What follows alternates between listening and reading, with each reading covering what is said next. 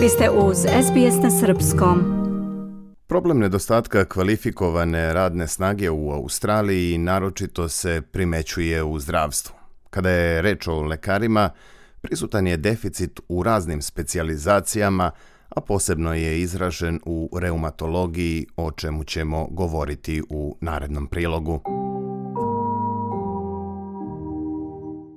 Više od pola miliona odraslih i oko 30.000 dece u Australiji pati od artritisa, bolesti koja pogađa zglobove, izazivajući bol i ukočenost koji mogu da se pogoršaju s godinama. Osobe s ovim stanjem uskoro će dobiti resurse koji bi mogli da im budu od pomoći u boljem pristupu podršci unutar zdravstvenog sistema. Kada govorimo o artritisu, treba znati da postoje različite vrste ovog stanja. Na primjer, reumatoidni artritis je vrsta hroničnog oboljenja do kojeg dolazi kada imunni sistem napada pre svega zglobove, a ponekad i unutrašnje organe, nervni sistem i kožu. Cheryl Dines kaže da je ova bolest imala izuzetno veliki uticaj na njen život. I was about 36 years of age Cheryl kaže da je dijagnozu reumatoidnog artritisa dobila već sa 36 godina, ali je simptome imala veoma dugo još od ranih tinejdžerskih godina. Zbog toga kada joj je bolest potvrđena, njeno stanje je već bilo prilično ozbiljno jer tokom dugo vremena artritis nije bio tretiran na adekvatan način. Nekoliko godina kasnije ona je došla u fazu kada više nije mogla da radi i reumatoidni artritis je u potpunosti promenio njen život. Mnoge osobe koje žive sa artritisom suočavaju se sa velikim ograničenjima sobstvenih mogućnosti da rade i da se brinu o drugima. Kod značajnog broja odraslih javljaju se i druga stanja, kao što su bol u leđima, ali i problemi sa mentalnim zdravljem i poremećaji ponašanja. Kod dece prisutan je juvenilni idiopatski artritis, koji može da izazove deformitete zglobova i gubitak vida ukoliko se ne dijagnostikuje i ne leči od rane faze. Dr. Claire Barrett je predsjednica Australijskog reumatološkog udruženja. Ona kaže da ovo oboljenje može da pogodi decu bilo kog uzrasta, i da dijagnoza može biti veoma teška. Childhood artritis je drugačija bolest od reumatoidnog artritisa, kaže dr. Barrett, napominjući da postoji nekoliko različitih vrsta dečijeg artritisa, među kojima je najteži juvenilni idiopatski artritis. Ovo stanje je veoma teško i za roditelje, naročito ako se razvije kod jako male dece koja ne mogu ni da kažu ili objasne da su im kolena bolna ili otečena. Ona savjetuje da ako roditelji primete da njihovo dete šepa ili ima otečen zglob, ne treba da ignorišu takva stanja, već da se odmah obrate lekaru opšte prakse kako bi bili upućeni kod specijaliste.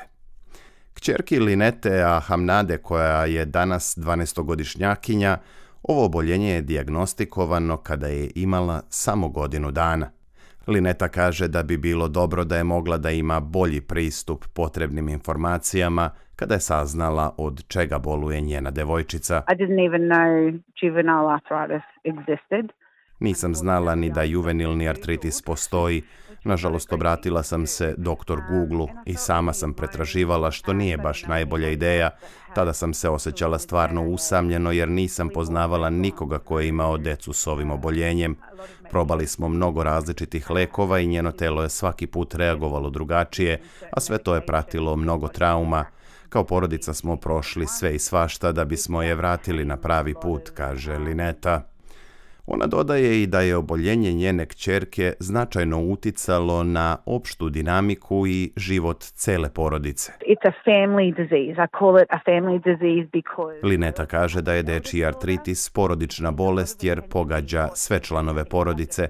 Ona navodi primjer njene starije čerke koja je tokom godina videla da se njenoj mlađoj sestri poklanja mnogo pažnje, pa jednog dana zapitala, voliš li ti moju sestru više od mene? To je njoj kao majci palo veoma teško, ali kako vreme prolazi, svi u porodici nauče da se nose s takvim stvarima. Vremenom kako je odrastala, starija kćerka je počela da shvata šta se zapravo dešava i zbog čega je maloj Alijani potrebna veća pažnja. Iz Australijskog reumatološkog udruženja upozoravaju da širom zemlje ponestaje specijalista za artritis, što često uzrokuje dugo čekanje na dijagnozu kod mnogih pacijenata. Najnoviji podaci udruženja pokazuju da u Australiji radi 380 reumatologa za odrasle i svega 20 pedijatrijskih reumatologa. Da bi se zadovoljile potrebe društva, Australiji je potrebno najmanje 682 reumatologa za odrasle i 61 pedijatrijski. U nedavno objavljenom izveštaju o radnoj snazi Udruženje reumatologa je utvrdilo da preti pogoršanje ovog problema sa nedostatkom stručnjaka.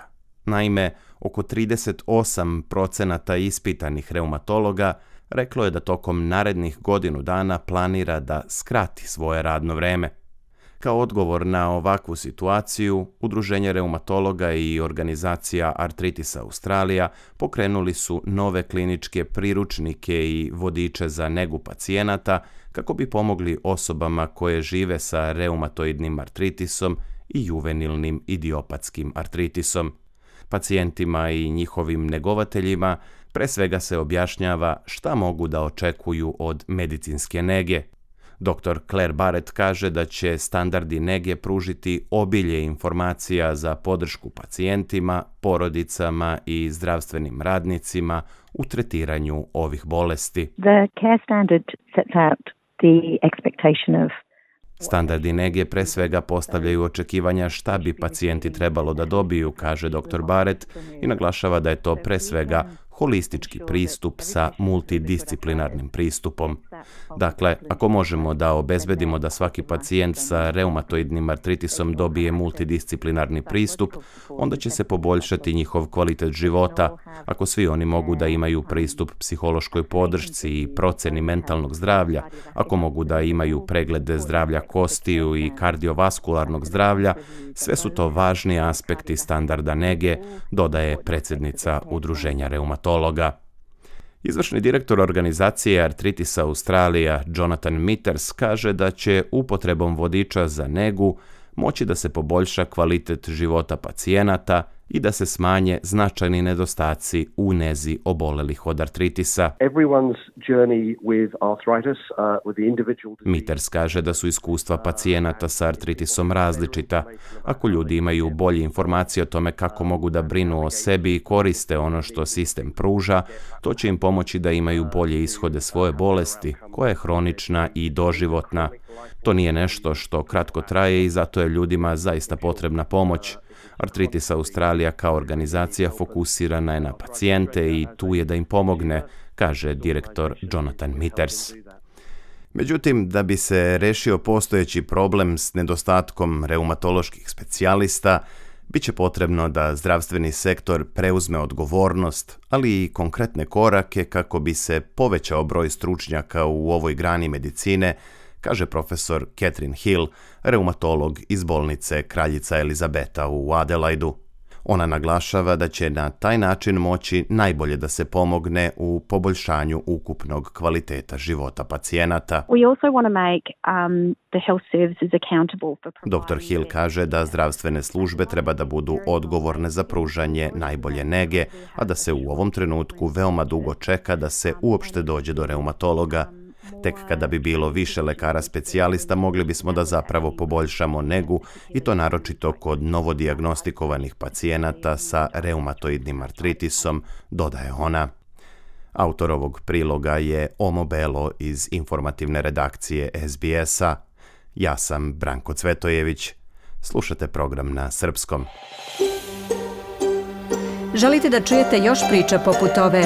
Slušajte nas na Apple Podcast, Google Podcast, Spotify ili odakle god slušate podcast.